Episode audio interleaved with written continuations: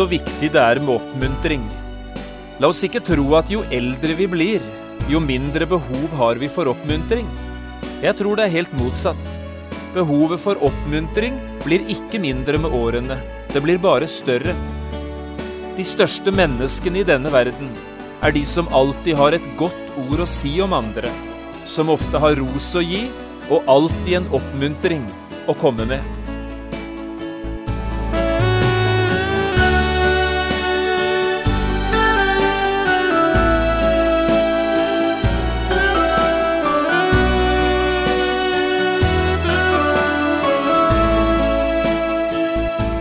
Hjertelig velkommen til et nytt program i serien Vindu mot livet. Programmet er produsert av Kristen Riksradio og blir ledet av Jon Hardang. Kristen Riksradio drives av frivillige gaver. Vi er glade for din støtte.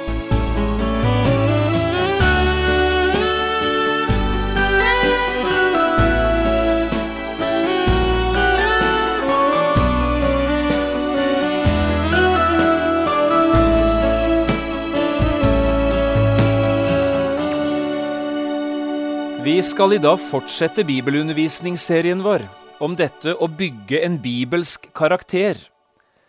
I de to neste programmene skal vi lese et av de minste skriftene i Det nye testamentet, Paulus' brev til Filemon. Her møter vi tre hovedpersoner. Apostelen Paulus, slaveeieren Filemon, og så den rømte slaven Onesimus. Vi skal i dag lese den første halvdelen av dette brevet, versene 1 til 14. Jeg har kalt dagens program Brevet til Filemon. Vi leser Paulus, Kristi Jesu fange, og vår bror Timotius, til vår kjære venn og medarbeider Filemon, og til vår søster Appia, og til vår medstrider Arkipus, og til menigheten i ditt hus. Nåde være med dere, og fred fra Gud vår Far og Herren Jesus Kristus. Jeg takker alltid Gud når jeg minnes deg i mine bønner, for jeg hører om din kjærlighet og den tro som du har til Herren Jesus og til alle de hellige. Jeg ber om at deres samfunn med meg i troen må være virksomt ved innsikt i alt det gode vi har i Kristus. For jeg har fått stor glede og trøst ved din kjærlighet, fordi de helliges hjerter er blitt styrket ved deg, bror.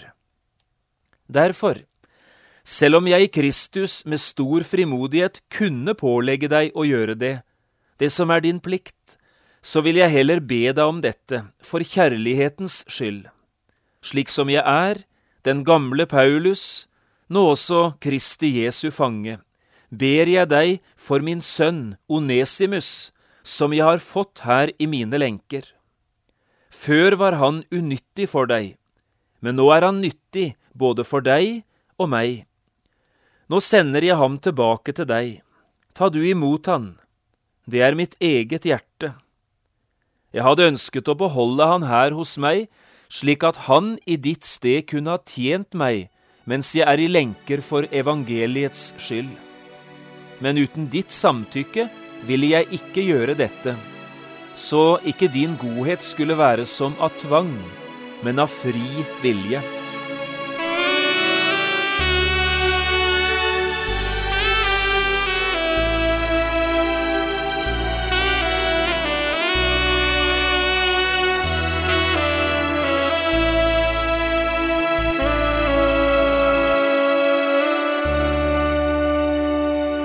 Rømlinger, eller det å rømme, er ting vi stadig hører om, både i dagsavisene og i andre medier. Så dette representerer ikke noe nytt. Så lenge det har vært mennesker i verden, har det også vært rømlinger. Mennesker på flukt, enten fra Gud, fra myndighetene eller fra sine foreldre. De fleste av oss har opplevd det selv eller kanskje med våre barn. De følte seg så urettferdig behandlet og var både såret og sint. Og så ble beslutningen tatt, jeg rømmer. Barnet var fem år eller kanskje ni, eller kanskje 16. Så alvorlig var dette nok ikke, men vi kjenner situasjonen, ikke sant? Ellers hører vi stadig om det i avisene, forbrytere som er ettersøkt av politiet i Norge eller av Interpol. Fanger som stikker av fra fengselet og er på rømmen i både én og flere uker, før de endelig en dag blir tatt. Og noen, de blir aldri tatt, enten fordi de skifter identitet eller kanskje fikk muligheten til å gå i dekning i et land der ingen lenger leter etter dem. Rømlinger. Jo, vi kjenner saken. Det er en slik situasjon vi møter her i dette vesle skriftet, brevet til Filemon. Vi møter slaveeieren Filemon og den rømte slaven Onesimus. Og så det som skjedde den dagen den rømte slaven plutselig ble en kristen. Det er denne situasjonen vi skal si litt om i dag, og i de neste to programmene. Selv om vi er godt kjent med begrepet rømling og vet hva det innebærer, er det likevel ikke så lett å få tak i situasjonen Paulus beskriver i dette brevet.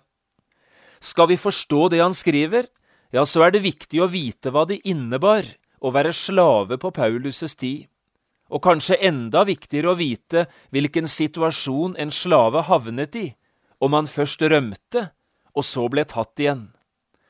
La oss derfor nå i begynnelsen si litt om dette.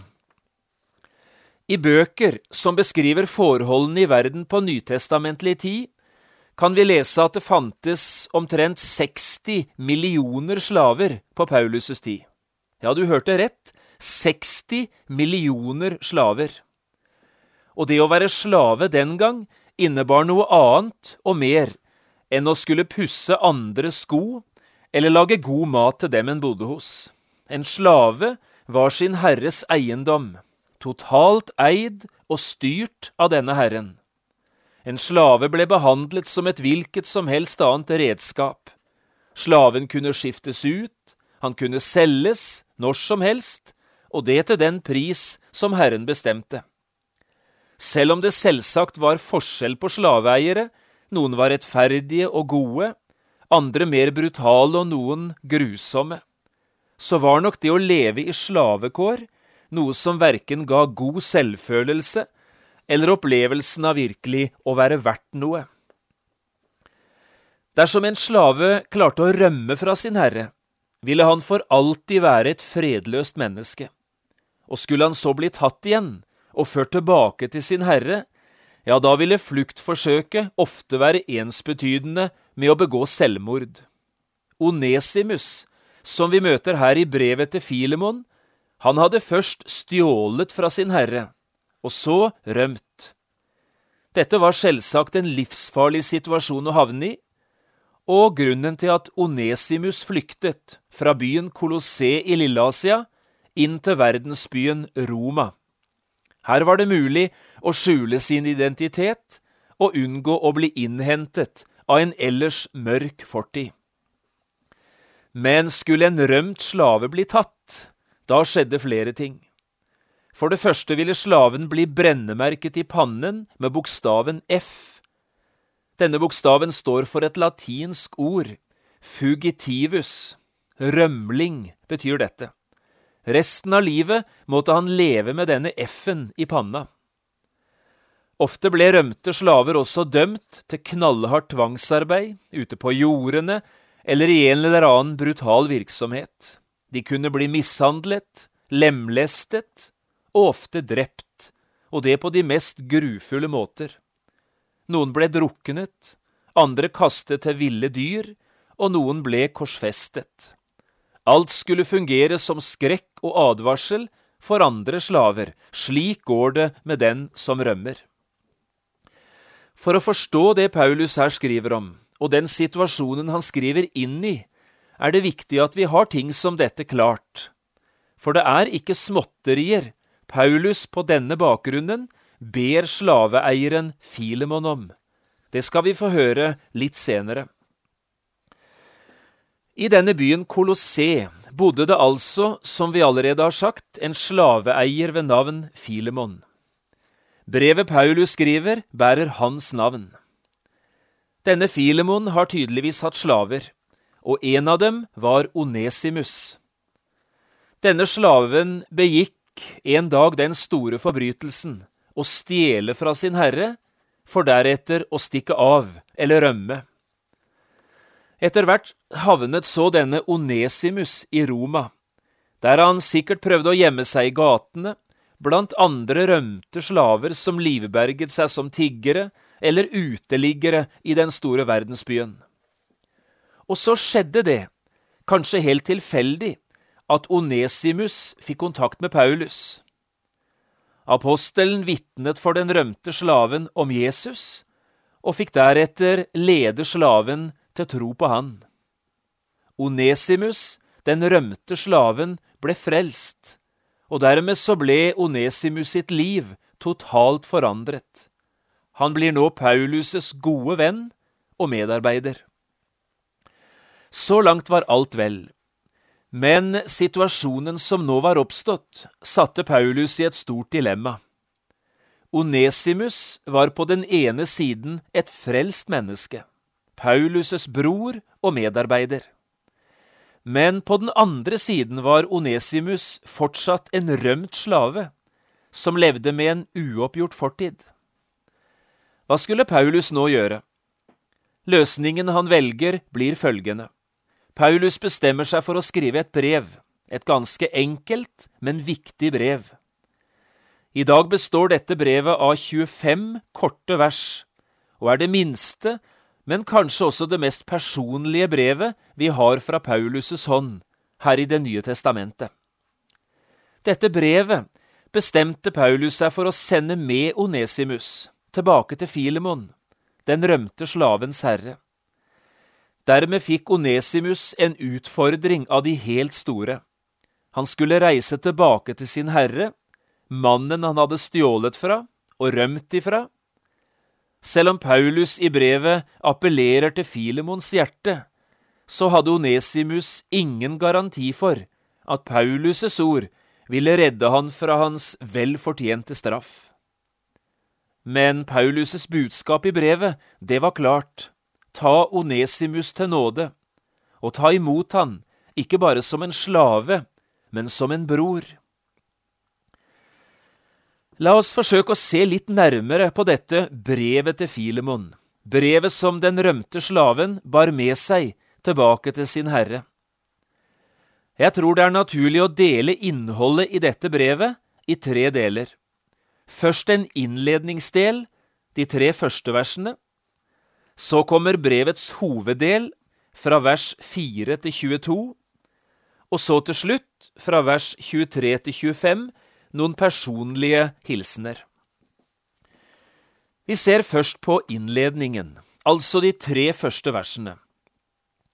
Paulus, Kristi Jesu fange, og vår bror Timotius, til vår kjære venn og medarbeider Filemon, og til vår søster Appia og til vår medstrider Arkipus, og til menigheten i ditt hus. Nåde være med dere, og fred fra Gud vår Far og Herren Jesus Kristus. Slik lyder altså innledningsdelen til brevet, og det begynner med å nevne avsenderens navn, Paulus, Kristi Jesu fange, og vår bror Timotius. Du er sikkert klar over det fra før, men måten de skrev brev på da Nytestamentet ble til, skiller seg nokså mye fra måten vi skriver brev på i dag. Når du og jeg får et personlig brev, er det første vi ofte gjør, å se nederst på siste side, for å undersøke hvem brevet kommer fra. Det slapp de på nytestamentlig tid. Da sto alltid avsenderens navn først i brevet, akkurat som her i brevet til Filemon. Paulus kaller seg selv for Jesu Kristi fange. Det er kanskje lett å se for seg et mørkt og rått fangehull når vi leser et ord som dette. Og Paulus er virkelig fange i Roma, men omgivelsene han befinner seg i, er langt mer trivelige enn et mørkt fangehull. I apostelgjerningene 28 leser vi et par-tre vers som gir oss innsikt i de omgivelsene Paulus befant seg i da brevet til Filemon ble skrevet. Hør her på vers 16 og vers 30 og 31. Da vi nå var kommet til Rom, overga høvedsmannen fangene til høvdingen for livvakten. Men Paulus fikk lov til å bo for seg selv, sammen med den soldaten som holdt vakt over han. Og så fortsetter Lukas å skrive slik. To hele år ble Paulus i det herberget han hadde leid. Han tok imot alle som kom til han, og han forkynte Guds rike og lærte om den Herre Jesus med all frimodighet, uten hindring. Det var en ganske fin måte å sitte i fengsel på, spør du meg. Han hadde frihet både til å ta imot besøk og til å forkynne evangeliet. Og det var altså på denne tiden han møtte Onesimus og fikk lede han til Jesus. Så tilbake til brevet til Filemon.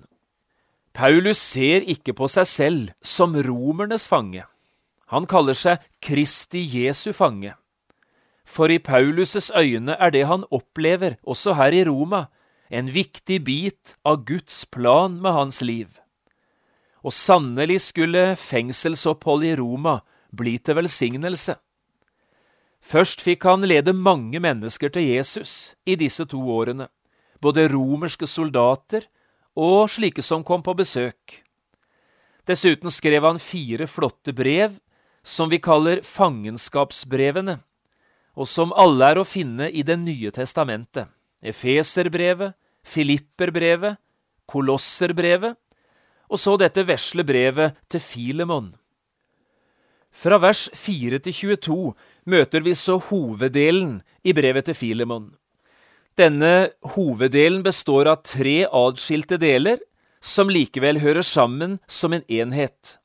Og i hver av de tre hoveddelene møter vi én hovedperson. Eller altså de tre personlighetene, eller bibelske karakterene, som vi møter i dette brevet. Vi møter Paulus, Filemon og Onesimus. Dette er de sentrale personene i hvert sitt hovedavsnitt. Se nå på bibelteksten, hvis du har den foran deg. Den første hoveddelen finner vi i vers 4–7. Her er hovedpersonen Filemon, og hovedordet, det er takknemlighet. Paulus setter her ord på sin dype takknemlighet for en god venn og medarbeider, Filemon. Den andre hoveddelen den kommer fra vers 8 til 17. Her er hovedpersonen Onesimus, og hovedordet, det er bønn. Paulus ber Filemon ta imot den rømte slaven, ikke som slave, men som kristen bror. Og så den tredje hoveddelen, den finner vi i vers 18 til 22.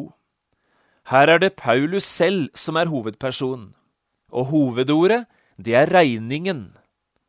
Paulus forstår at Onesimus har handlet urett mot sin herre og stjålet fra han. Men så sier han, skriv det Onesimus måtte skylde, på min konto. Dette er altså brevets tre hoveddeler. Skulle vi knytte et uttrykk som Paulus selv bruker i brevet, til hvert av disse tre hovedavsnittene, kunne vi kanskje si det på denne måten. I første hoveddel jeg takker alltid Gud. Det er Filemon Paulus takker Gud for. Hovedsetning i andre hoveddel Jeg ber deg. Og det er slaven Onesimus Paulus her ber for, når han skriver til Filemon. Og i tredje hoveddel Jeg skal betale det. Og det er det Onesimus skylder Filemon, som Paulus nå vil gjøre opp for. Tre hoveddeler, tre hovedpersoner og tre hoveduttrykk. Dette er i klartekst Paulus' brev til Filemon. Og så til slutt i dag, la oss se litt på det Paulus sier både om og til Filemon, sin kjære venn og medarbeider. Filemon er en flott kristen karakter som Paulus har utrolig mye godt å si om. Bare tanken på Filemon fyller Paulus' hjerte med takknemlighet. Egentlig er det jo Onesimus som først og fremst ligger Paulus på hjertet, men denne rømte slaven våger han ennå ikke å sette ord på. Han begynner i stedet med en skikkelig oppmuntring til Filemon. Legg merke til de fire tingene som Paulus sier med tanke på denne Filemon. Først takker Paulus. Han takker Gud hver gang han ber for Filemon. Så hører Paulus, og han setter ord på det, om Filemons kjærlighet og tro. Det tredje, Paulus har selv fått mye glede og trøst gjennom denne Filemon. Og til slutt sier han at han vet at mange er blitt styrket og oppmuntret takket være det Filemon har gjort og stått for. Filemon har altså vært en kilde til oppmuntring og trøst, både for Paulus selv og for mange andre kristne mennesker. Å møte denne Filemon har vært som å møte et friskt pust, en forfriskning. Og nå bringer Paulus oppmuntringen tilbake til Filemon. Jeg takker Gud for slike som deg. Kanskje vi skal slutte omtrent her i dag. Så viktig det er dette med oppmuntring. La oss ikke tro at jo eldre vi blir, jo mindre behov har vi for oppmuntring. Tvert imot, jeg tror behovet for oppmuntring ikke blir mindre med årene, det blir helst bare større. Dette praktiserte Filemon, og dette var også Paulus raus med, oppmuntring til andre. Hva med deg og meg? Er vi slike oppmuntrende mennesker i våre nærmiljø? De største menneskene i denne verden, og de med størst åndelig modenhet, tror jeg er de som alltid har noe godt å si om andre, som alltid har ros å gi og ekte oppmuntring å komme med. Det finnes en hel del andre som bare ser på seg selv, på sin posisjon, og er opptatt med å dekke sine behov. Det tror jeg ofte vitner både om menneskelig og åndelig umodenhet. Jeg spør igjen, er du en slik kilde til oppmuntring for andre mennesker? Har du et godt ord, et klapp på skulderen, et rosende ord å si til slike som trenger det? Eller er du av de tause i landet? Salomo, han sa det slik en gang i ordspråkene 1225. Bekymring i en manns hjerte tynger han, men et godt ord, det gleder han. Paulus kjente denne hemmeligheten. Filemon kjente den. Jeg vet ikke om du og jeg også gjør det. Dette er iallfall hovedsaken i dag. Prøv å være en kilde til glede og oppmuntring i ditt nærmiljø. Det er så ufattelig mange mennesker som trenger det.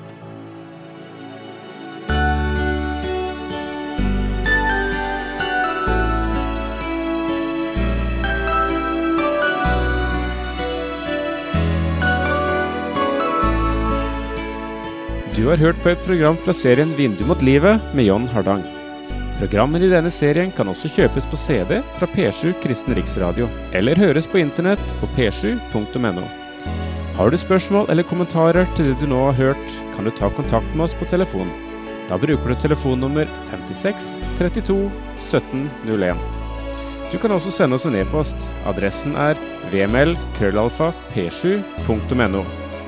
Takk for i dag, og på gjenhør. Bye.